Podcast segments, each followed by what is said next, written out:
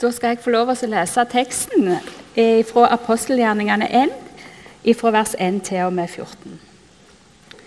Den første bok skrev jeg, Theofilus, om alt det som Jesus begynte med, både å gjøre og å lære, inntil den dag da han ble tatt opp til himmelen, etter at han ved Den hellige ånd hadde gitt sine befalinger til de apostler han hadde utvalgt.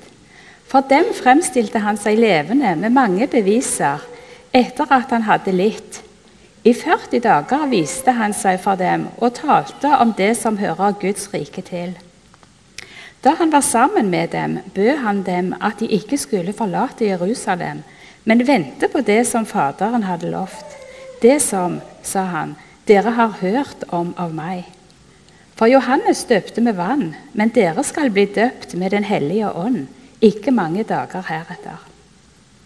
De som nå var kommet sammen, spurte ham og sa, 'Herre, er det på den tiden du vil gjenreise riket for Israel?' Han sa til dem, 'Det er ikke deres sak å vite tider eller timer som Faderen har fastsatt av sin egen makt.' Men dere skal få kraft idet Den hellige ånd kommer over dere. Og dere skal være mine vitner både i Jerusalem og i hele Judea og Samaria og like til jordens ende. Da han hadde sagt dette, ble han løftet opp mens de så på, og en sky tok ham bort fra deres øyne. Mens de sto der og stirret opp mot himmelen idet han for bort, se, da sto to menn i hvite klær hos dem. Og de sa, galileiske menn, Hvorfor står dere og ser opp mot himmelen? Denne Jesus som har tatt opp fra dere til himmelen, skal komme igjen på samme måten som dere så ham fare opp til himmelen. De vendte da tilbake til Jerusalem fra det berg som ble kalt Oljeberget, og ligger nær ved Jerusalem, en sabbatsreise derfra. Og da de kom inn i byen, gikk de opp til den øvre salen, hvor de pleide å holde til. Det var Peter og Johannes, Jakob og Andreas, Philip og Thomas, Bartlemeus og Matteus, Jakob, sønn av Al Alfeus, Simon Seloten og Judas, sønn av Jakob. Alle disse holdt sammen og var utholdende i bønnen sammen med noen kvinner og Maria, Jesu mor, og hans brødre.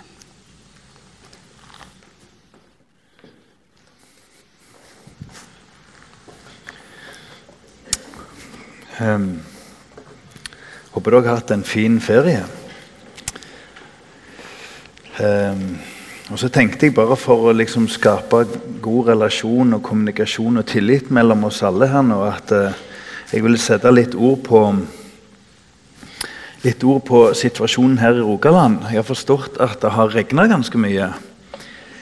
Uh, jeg har ikke sett så mye det sjøl, men jeg har skjønt det og mye vind og, og, og ja, 14 grader. Og, og da blir du fort sommersjuk. Og så har jeg skjønt at det har, det har gått et skille rundt Lyngdal ca. Kan det stemme? Bare tenke liksom, og Jeg var hos Halvard Hovda en tur og Helen. Så tenkte jeg nå må jeg ikke komme arrogant. Der sitter de så nærme sola og likevel så langt vekke.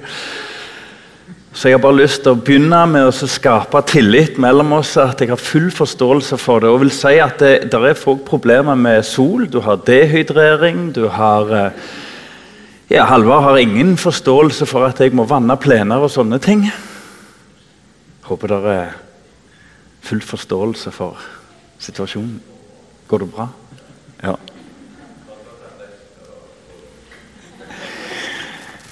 Hvert tiende år så snur det der, sier de.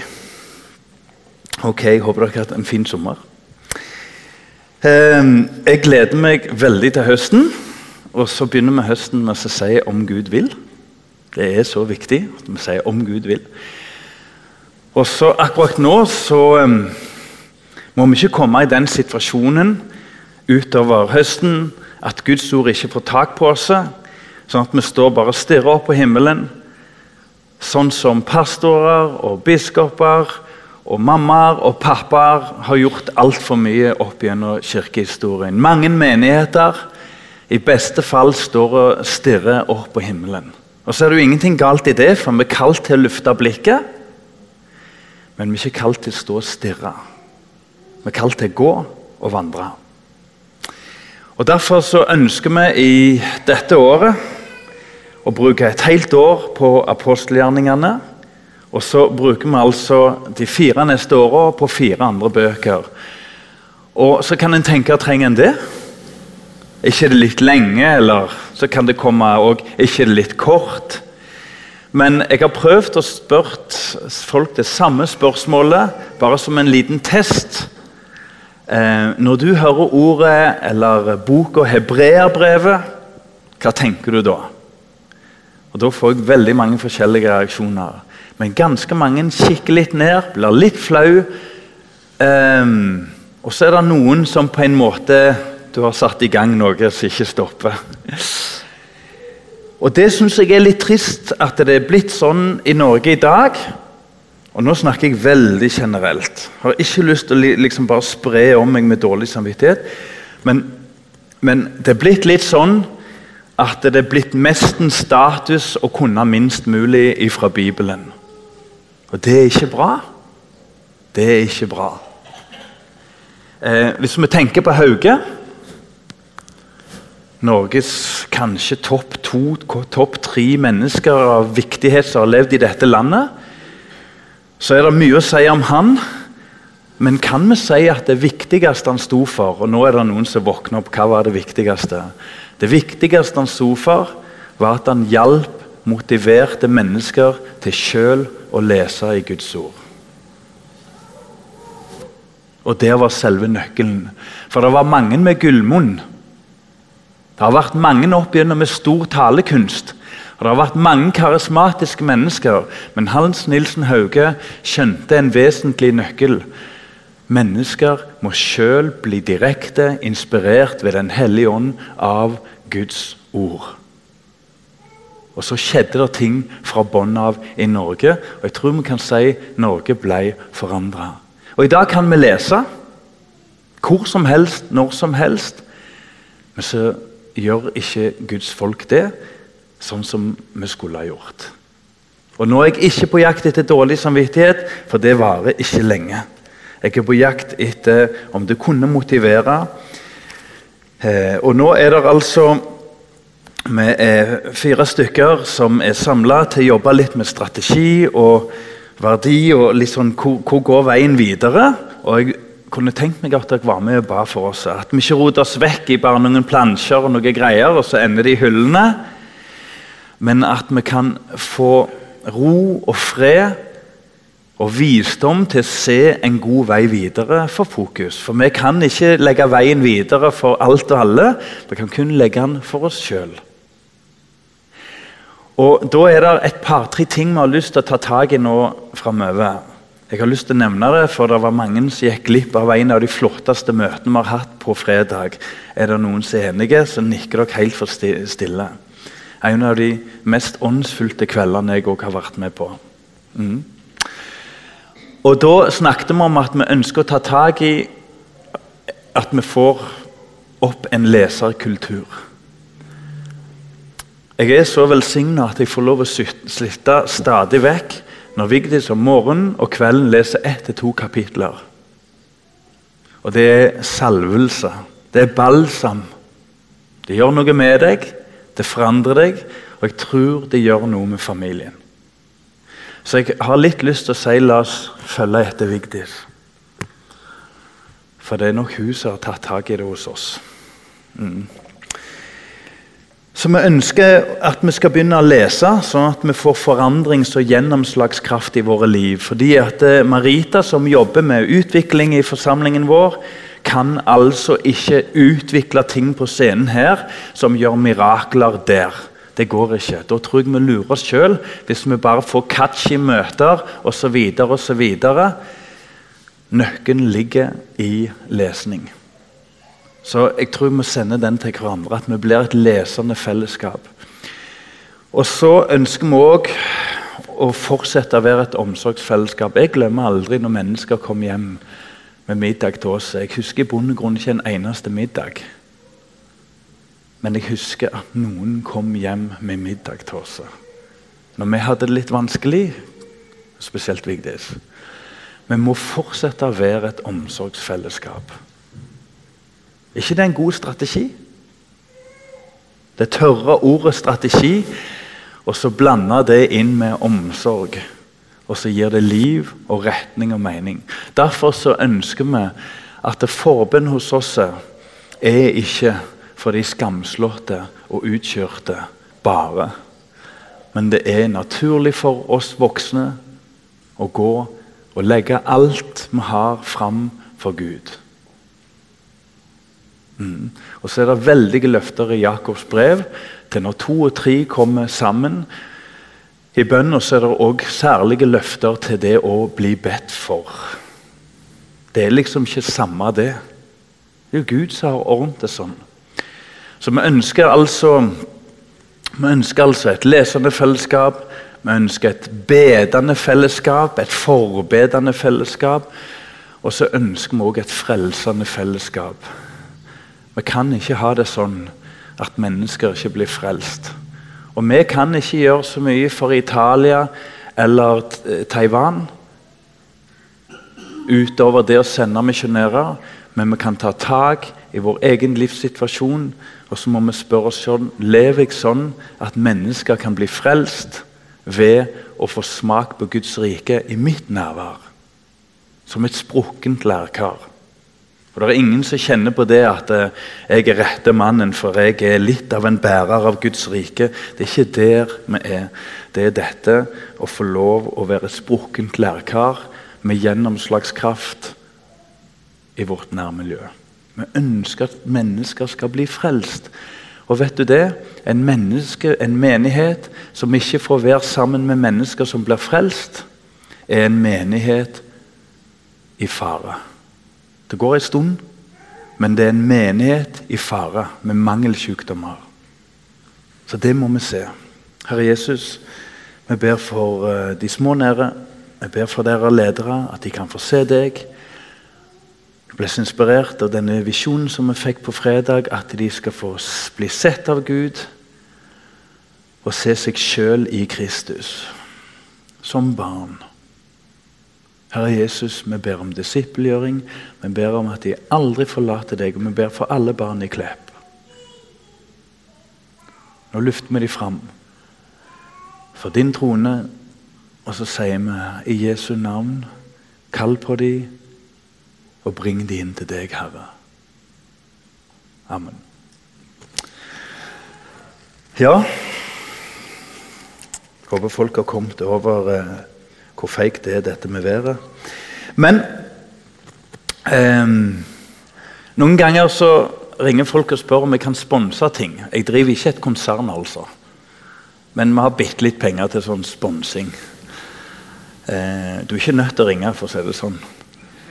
Eh, og Så tenker en skal vi være med på det, da? Og så tenker en ja, men det er jo, det er jo kjekke jente eller en kjekk gutt som brenner for et eller annet. Vi må jo være med på det. Får vi igjen reklame for det? Nei. Men vi er med litt. Grann, og så er det visst litt regler og lover om det òg som vi må følge.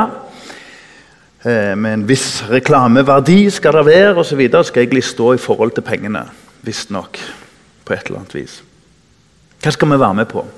I Bibelen var det en kar som het Theofilis. Han leste vi nettopp. Og jeg lurer litt på om han òg satt og tygde på skal jeg eller skal jeg ikke. Eh, jeg har faktisk lest at Theofilis var en av de som Han var en venn av, eh, av eh, Lukas, som skrev apostelgjerningene. Men det fortelles òg at eh, på den tida var ei bok så dyr å skrive at eh, vanlige folk, og spesielt kunstnerisk anlagte folk som forfatter lignende, var ikke i nærheten av å finansiere en sånn bok, så de måtte gå til en annen. Var det derfor Theofilis kom inn? Mange mener det. Vi skal ikke tillegge det for sterkt, men det var i hvert fall helt vanlig. Så det minste vi vet, for det står i Bibelen, at Theofilis var en venn av Lukas. Lukas som skrev den første boka som heter Lukas' evangelium, og var egentlig del én. Og nå skal vi lese fra del to, apostelgjerningene. Utrolig bra at Theofilis traff sånn innertier med å sponse Lukas til å skrive eh, denne boka. Og Det setter meg bare på en sporing med en gang hvor viktig det er å tørre å kaste brødet på vannet. Apostelgjerningene begynner å gå rett på sak med en mann som det ligger en historie ved, som kaster brødet på vannet. Husker dere Åsa fra Frikirka som var her og talte 'Kast brødet på vannet', for det kommer tilbake? Et fantastisk bilde. Vi er satt til å forvalte. Vi har fått så mye. Og det vi har fått ifra Gud, én, tre eller fem talenter billedlig talt, det er ikke meint til spasen her. Så, så, vi får liksom ikke kommet i gang med apostelgjerningene før vi ser at um, en mann har kasta brødet på vannet, og her sitter vi og nyter godt av den investeringen.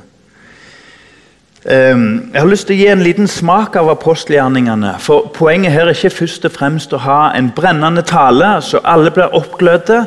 Her er først og fremst poenget å legge til rette til de som sjøl går hjem og leser. Så du kan bare ha lang nese hvis du først og fremst kommer her for å bli satt brann i, og så venter du til nesten 14 dagene. Da du kom til feil gudstjeneste. Dette er meint for ditt eget lønnkammer. Den satt. Eh, men en liten smak. Eh, når de første kristne samla seg, så vet vi at det gikk ikke lang tid før de måtte ned i katakomber. De måtte hjelpe, eh, gjemme seg. Og selv de minste antakelser førte til henrettelse. Jeg leste om Stalin. At når han var på det sykeste, så var det sånn at det var nok at noen ikke jubla hvis de hørte en eller annen kjent person, f.eks. en tidligere sånn jagerflyger S, som, som, var drept av kommunistene for å være antikommunistisk. Det var nok at han ikke var positiv.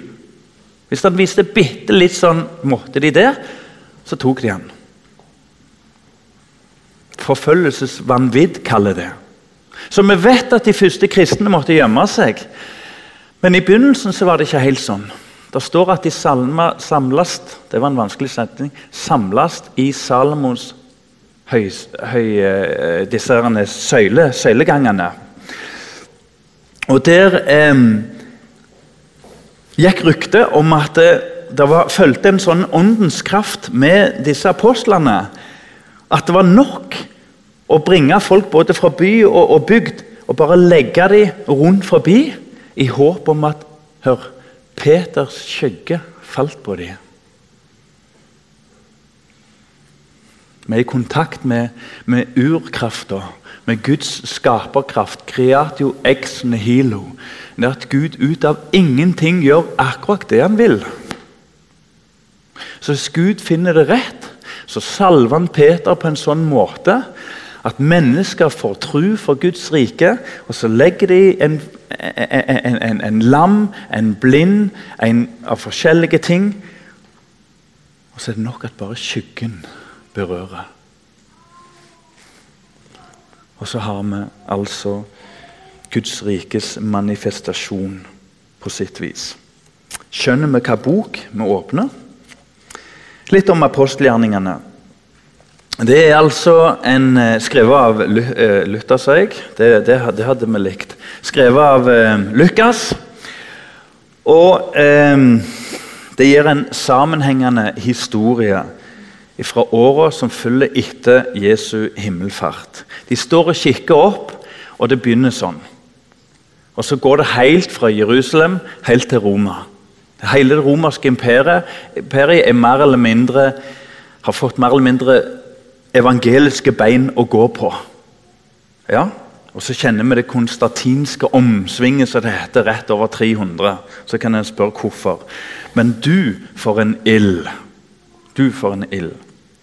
Men det som er enda viktigere, er at apostelgjerningene er faktisk et bindeledd mellom evangeliet. For mange tenker du har evangeliet om Jesus, og så begynner det om apostlene.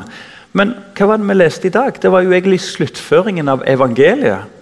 Det var at Jesus var jo ikke ferdig med sin gjerning. Han var jo ennå på jord. Gikk 40 dager sammen med dem, og så for han til himmelen.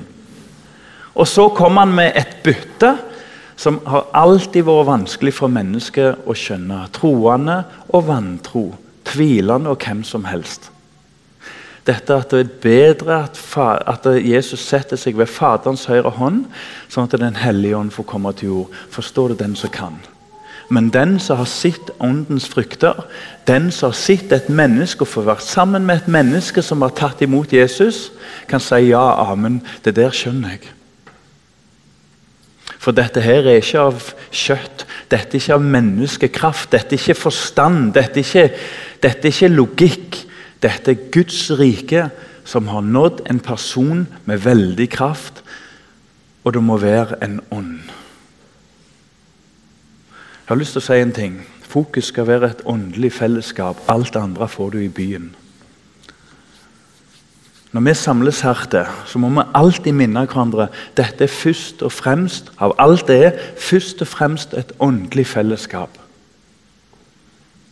Og Så sier Bibelen alt andre får du i tillegg. Du trenger ikke dra til byen engang. Apostelgjerningene er òg eh, en vandring fra Jerusalem til Roma. Og Da kan vi si med en gang at eh, ja, det er helt riktig for deg som har gått på bibelskole og sånne ting, at, apostelgjerningene kunne like gjerne hett Den hellige ånds gjerning ved apostlene. Ved apostlene. For du skal ikke lese mye før at du glemmer personene, og så sitter du igjen og erfarer Den hellige ånds natur og virkemåte og kraft. Og ikke minst intensjon å peke på Jesus Kristus av alle viktige ting. Så altså Den hellige ånds gjerninger ved apostlene. Hvis vi kan få lese kapittel 1 og vers 8 en til gang så står det at dere skal få kraft idet Den hellige ånd kommer over dere. Og dere skal være mine vitner både i Jerusalem og hele Judea, Samaria og like til jordens ende. En herlig rytme her. Og sånn skjedde det. Apostelgjerningene er først og fremst leser her nå, en, eller i første omgang mener jeg, en geografisk spredning. Først i Jerusalem. De skulle jo først være der og lytte og vente på Den hellige ånd. Det er aldri godt å ligge foran Den hellige ånd. Faktisk så leder det galt av gårde. Så de skulle vente. Den hellige ånd kom, og så kjenner vi pinseundere. Og så kjenner vi alle fruktene som kom ut av det, og så kjenner vi at folk ble grepen og interessert i hva dette var. Så Først skulle de være i Jerusalem, og så begynte de å virke der. og Så skulle de virke i Judea og Samaria. Og like til verdens ende den gang kan vi vel si var Roma og litt til. Men heldigvis så er oppdraget ikke fullført, og i dag så er det en stor glede for oss som er her inne, å få bli kjent med at NLM sin båndtanke er verden for Kristus. Det er galskap. Det er helt ulogisk. Det er helt, helt tullete å lage en sånn en visjon av de damer og menn som, som, som var grepen av Guds kall for 150 år siden. Det er helt tullete. Verden for Kristus rolig. Men de var, de var grepen av ånden. De så inn i Guds ord og så sier helt til verdens ende. Derfor er det mennesker som sitter og har ingen fred før alle folkeslag får hørt om Jesus Kristus. Det handler òg apostelgjerningene om. Du kommer ikke utenom Paulus sine tre misjonsreiser. Så altså Jerusalem, Judea, Samaria og den romerske verden, i hvert fall i apostelgjerningene. Og så er det òg en biografisk side ved det. En biografi. Det er jo holdt på å si, fortellingen om en person. kan det være. Og Da er det to personer Peter og Paulus. Peter kan du lese om fra kapittel 1 til kapittel 12. Det er langt på vei en historie om Peter og hans venner. Kapittel 12 til 28 så leser du om Paulus. Og så er det noe som jeg ikke har tenkt på før. Jeg husker når jeg gikk på Bildøy, så det, hadde vi ei, ei linje som heter apologetikk. Trosforsvar.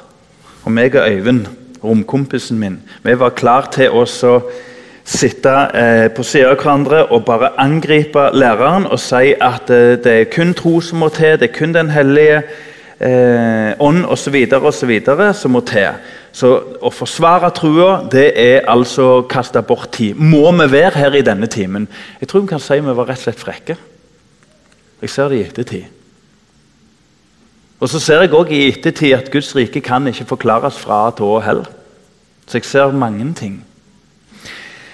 Men legg merke til hva Lukas skriver til Teofilus. og sier det at det, dette her, her, det er pålitelig.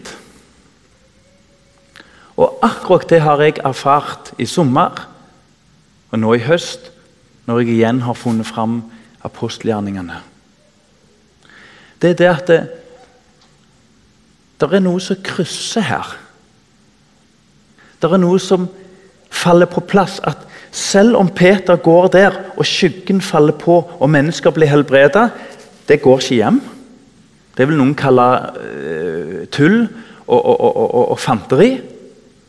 Jo mer jeg leser apostelgjerningene, jo mer troverdig blir Guds rike.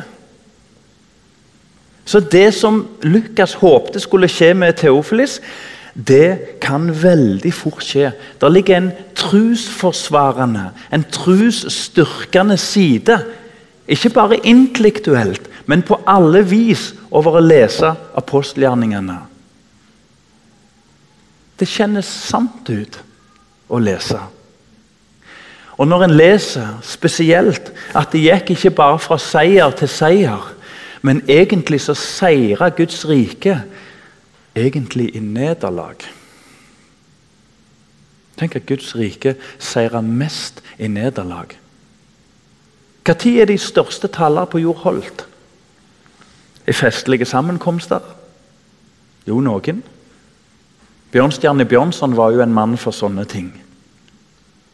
Men de største taler er holdt av Paulus og Peter når de er trua på livet. Fordi det var greit at de gjorde det og det, men måtte dere gå veien?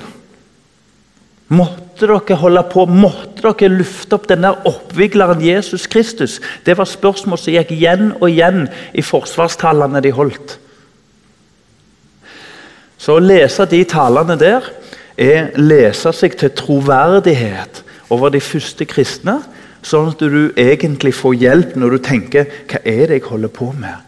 Resten av Norge vender jo langt på vei ryggen til dette. Store deler av norsk kristenliv òg. Hva er det jeg holder på med, som tror dette? Jeg har lyst til å utfordre deg til å la deg kjenne at Guds rike er troverdig, sånn som Theofilis fikk oppleve det ved den boka som Lukas skrev. Peter er jødenes apostel. Galaterne 2,8. Peter er jødenes apostel. Det vil si at Han hadde jo vandra sammen med Jesus i mange år og var rent menneskelig sett, rent utdanningsmessig sett, vel i stand til å hjelpe jødene til å se at dette er den rette og sanne Messiaser blant et stormløp av falske Messiaser som var på den tida. Dette er den salvede. Så Peter fikk den vanskelige oppgaven med å være profet blant sine egne. Og det ble han belønna med til døden. Eh, Paulus begynte som jøders eh, apostel. Han tok hovedsetet ikke i Jerusalem, men i, eh, i og står helt stilt, i Antiokia. Og det er, Så tenker jeg Middelhavet her. Og Hellas, som alle kjenner her, så helt oppi hjørnet der, litt nord for Israel, ligger altså hovedbasen til Paulus, som heter Antiokia. Det var langt på vei herifra han tok sine misjonsreiser. Og Det første han gjorde når han kom en plass, det var å oppsøke synagogen. så Han begynte jo med diasporajøder og, og, og, og jøder som levde utenfor Israel. Så gikk det ikke lang tid før han erfarte at hans egne òg vendte seg mot ham, akkurat som de gjorde det mot sin egen mester. Så det gikk ikke lang tid før, Peter, før Paulus ble hedningenes apostel og fikk det for seg at han rent målretta jeg skal være et vitne for de som aldri har hørt og sett Gud. Og Legg merke til hvordan han taler i Aten. Han er ikke snauere enn at han sier rett ut De gudene dere har her, virker de, eller? For meg er de stein døde. Så gikk han rett i fleisen. Hedningenes apostel. Og der kan vi godt Vi har snakket litt om at talene her de må òg være, være, relevante. Og da skal du få noe relevant. Spør deg sjøl hvem Gud har kalt deg til. Vi trenger ikke et fellesskap der vi drysser lett dårlig samvittighet over et vitne du ikke er, for alt og alle. Tenk vi har lov å fri hverandre for at du har ikke et kall til å gå til alt og alle, seint og tidlig. Men at Gud kaller oss til en gruppe mennesker. Det ser ut til faktisk å være Guds arbeidsform. Og Da kan vi orientere samvittigheten oss rundt de som Gud kaller oss til. To-tre ting. Eh, Den hellige ånd i eh, apostelgjerningene. Eh, da kan vi gjerne tenke på dåpen. Jeg har et ønske om at fokus kan være et romslig fellesskap med tanke på dåpen. Vi har et evangelisk-lyttersk, og med det får du knytte deg til. Det betyr ikke at du er enige, men vi kan være lojale mot det. Vi har et evangelisk-lyttersk dåpssyn. Prøv å forklare det. Det måtte være noe sånn som at en vektlegger mer underet enn forståelsen. Jeg har lyst til å be deg om å tygge litt på det, om du syns det er rart. En vektlegger mer Guds frelsesunder i dåpen enn det å forstå dåpen kronologisk, systematisk, teologisk. For Gud gjør ting på sitt vis, litt sånn som han gjorde det på sitt merkelige vis når han samla israelsfolket. For det er veldig lite forståelig. Veldig lite forståelig. Direkte ulogisk. Men jeg håper vi kan òg ha plass til at vi har forskjellige syn på dette. Det er ett syn jeg ikke ønsker for min del. Det er at en nedtoner dåpens viktighet. For det er det ingen plass for i Bibelen. Det er det rett og slett ikke samarbeidsgrunnlag for. At dåpen har liksom ikke så mye å si. Og La oss passe oss for sånne slengbeverkninger som de skvetter bare noe vann, eller de gjør sånn, eller de gjør sånn. Og så vanærer vi dåpen. Når Jesus sier at det er to viktige ting lær de og døp de. Kan vi komme sammen i Jesu Kristi navn og så si dåpen er viktig? For den har Gud kalt oss til. Og den har Gud kalt oss til å vinne flere for døpes. Og døpes handler òg om omvendelse. Og Er det noe vi trenger i Norge i dag, så er det en radikal omvendelse og en daglig omvendelse. Så vi trenger å døpes hver dag, sånn at jeget druknes og Kristus får stå opp. Fulgt fullt av Den hellige ånd det står tror jeg det er fem ganger spesielt, ifølge bøkene, fem ganger spesielt at uh, apostlene uh, sier og forklarer at jeg er fullt, vi er fullt av Den hellige ånd. Og Det skal vi nok komme tilbake til. Hva vil det si å være fullt av Den hellige ånd? Det er heldigvis ikke som en jojo. Eh, vi kan også legge merke til at i begynnelsen av alle talene så sier de at eh, de er fullt av Den hellige ånd. Altså, Det går ikke an å tale virkningsfullt, det går ikke an å virke, vitne virkningsfullt uten i Den hellige ånd. Derfor så sier Paulus jeg kommer ikke med overbevisning og tale. Jeg er ikke, jeg er ikke først og fremst en gullmunn. Men jeg kommer med korsets evangelium, og så er det Den hellige ånd som må åpenbare. Du ser ingenting. Du forstår ingenting i Guds rike hvis ikke Den hellige ånd åpenbarer. Lede av Den hellige ånd i evangelisering, kapittel 13 skriver litt om det. I hverdagslivet, der mennesker ble ledet. Og det er, som jeg har prøvd å forklare i vår, det er ikke forbeholdt ekstra følsomme og varsomme og sensitive mennesker. Det er for alle.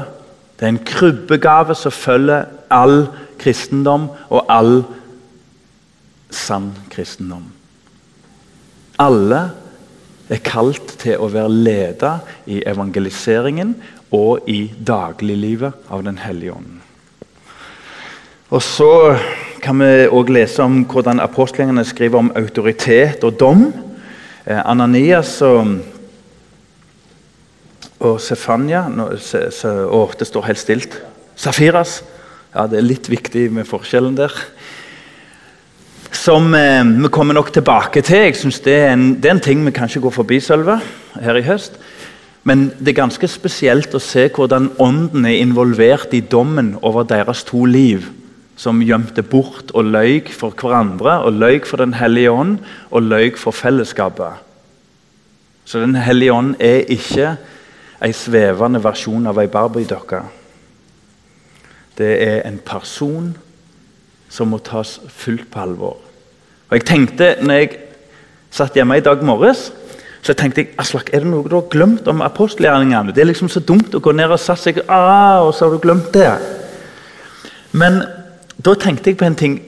I dag er en sånn kjempe... Jeg fikk et bilde, da. I dag er en sånn utrolig fin gave til oss. Vi kan ha ære våre venner ifra Syria, som er fra disse plassene nå. Er det noen fra Damaskus her? God bless. Er det noen fra andre plasser i Syria? Fra Homs? Ærbødighet.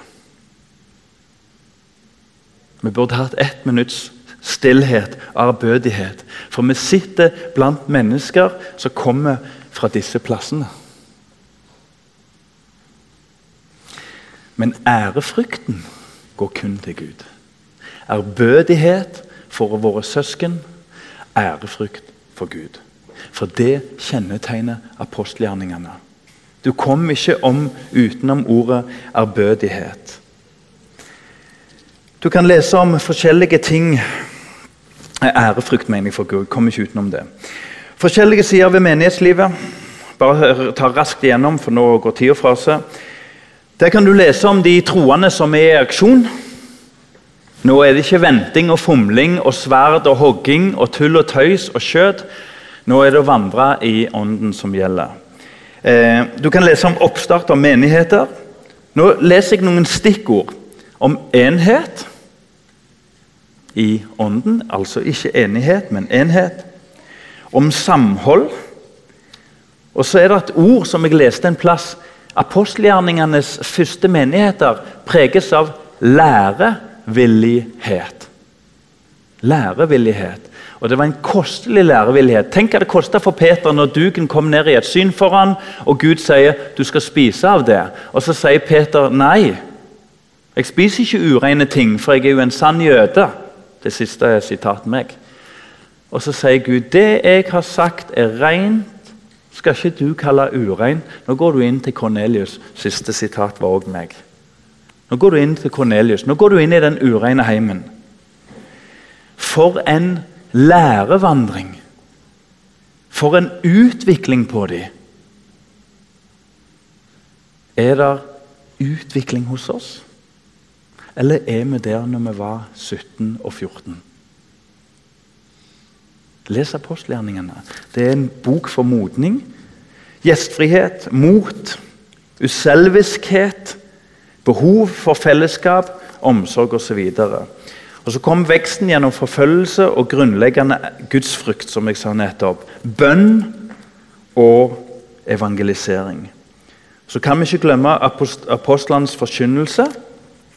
Forkynnelsen sto sterkt, og de knytta seg til disse talene som apostlene hadde, og var lojale og trodde at det var Guds forkynnelse inn i deres liv. Gjør vi det?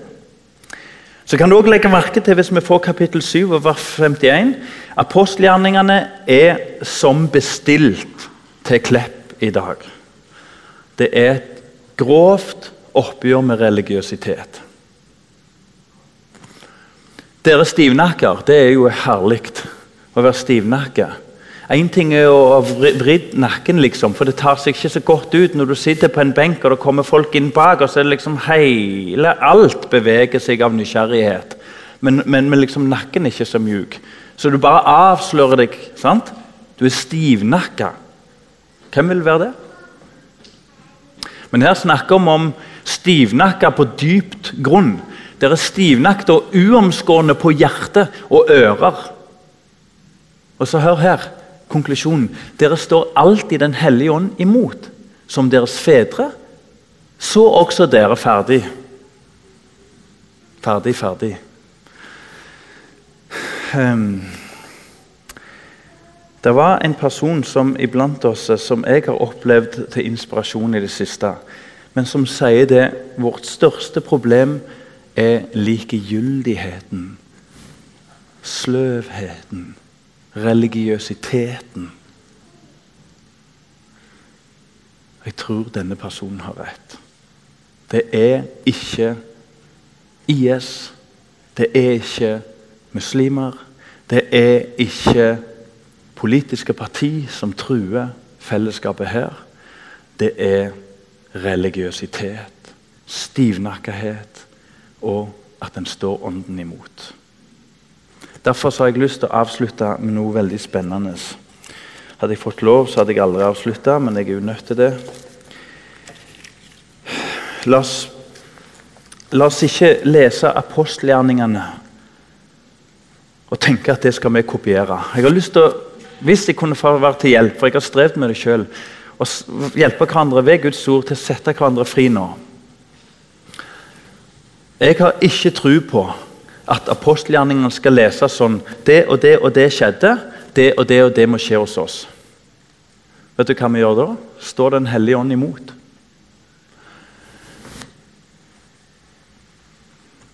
Apostelgjerningene er ikke meint som ei kopibok som vi skal lese, og så skal alt det skje hos oss. For Gud gjør sine ting når han vil, der han vil, hva tid han vil. Les i Bibelen. Når Gud ville, så lot han det gå 400 år uten et tegn fra himmelen. For det var Guds vilje. Som om Den hellige ånd var på blåbærtur. Gud er Den hellige ånd. Men Gud gjør akkurat som han vil, når han vil.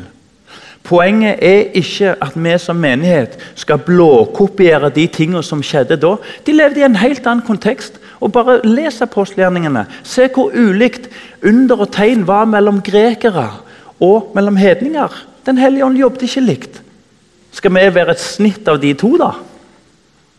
Nei, la oss som menighet bli fri fra et åndelig, fastlåst, lovtrelsk Her kommer orda. Situasjon der vi kjenner oss bonden av å kopiere de første kristne. Hva hadde Paulus gjort i dag? I vår kontekst? Ikke sikker skyggen hadde helbredet en eneste. Kan hende det var på et helt annet vis, så ikke vi gjør egentlig Den hellige ånd mot. Og så har jeg lyst til å si det at det, eh, det står noe utrolig frost. Kan jeg få det der siste bibelverset? Jeg tror det er kapittel 9. Kapittel, ja. Vi sender denne til hverandre ut av, ut av dagen i dag.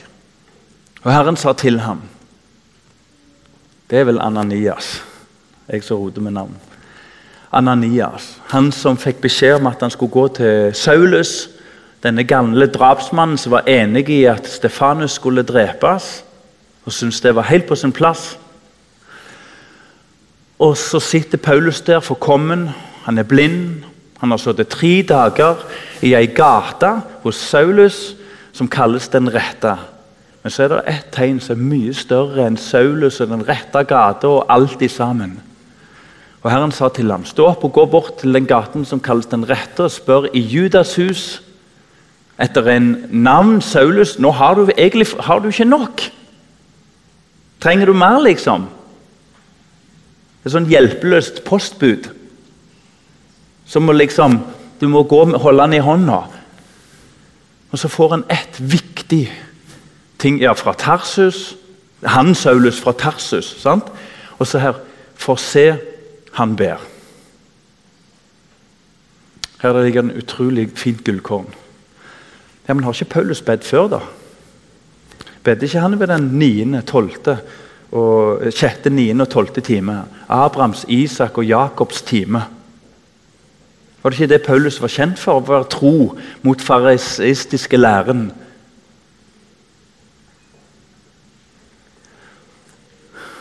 Han ba i Jesu navn. Det var det nye. Han ba med kraft for første gang i sitt liv. Det var liv i hans bønn. Den store forskjellen var et møte med Jesus Kristus. De første kristne brukte salmene fra Salme 120 en eller annen plass og utover, som var bønnesalmer ved festreiser. Nå fikk det helt ny kraft. Det ble bønn i Jesu navn. Og der lå hemmeligheten, og der lå kraften. Så Derfor så ønsker vi hverandre en god gudstjenestesdag. La Helligånden få peke på Jesus, som får be i Jesu navn. Det var det største tegnet han skulle se etter. Å se han ber på en ny måte.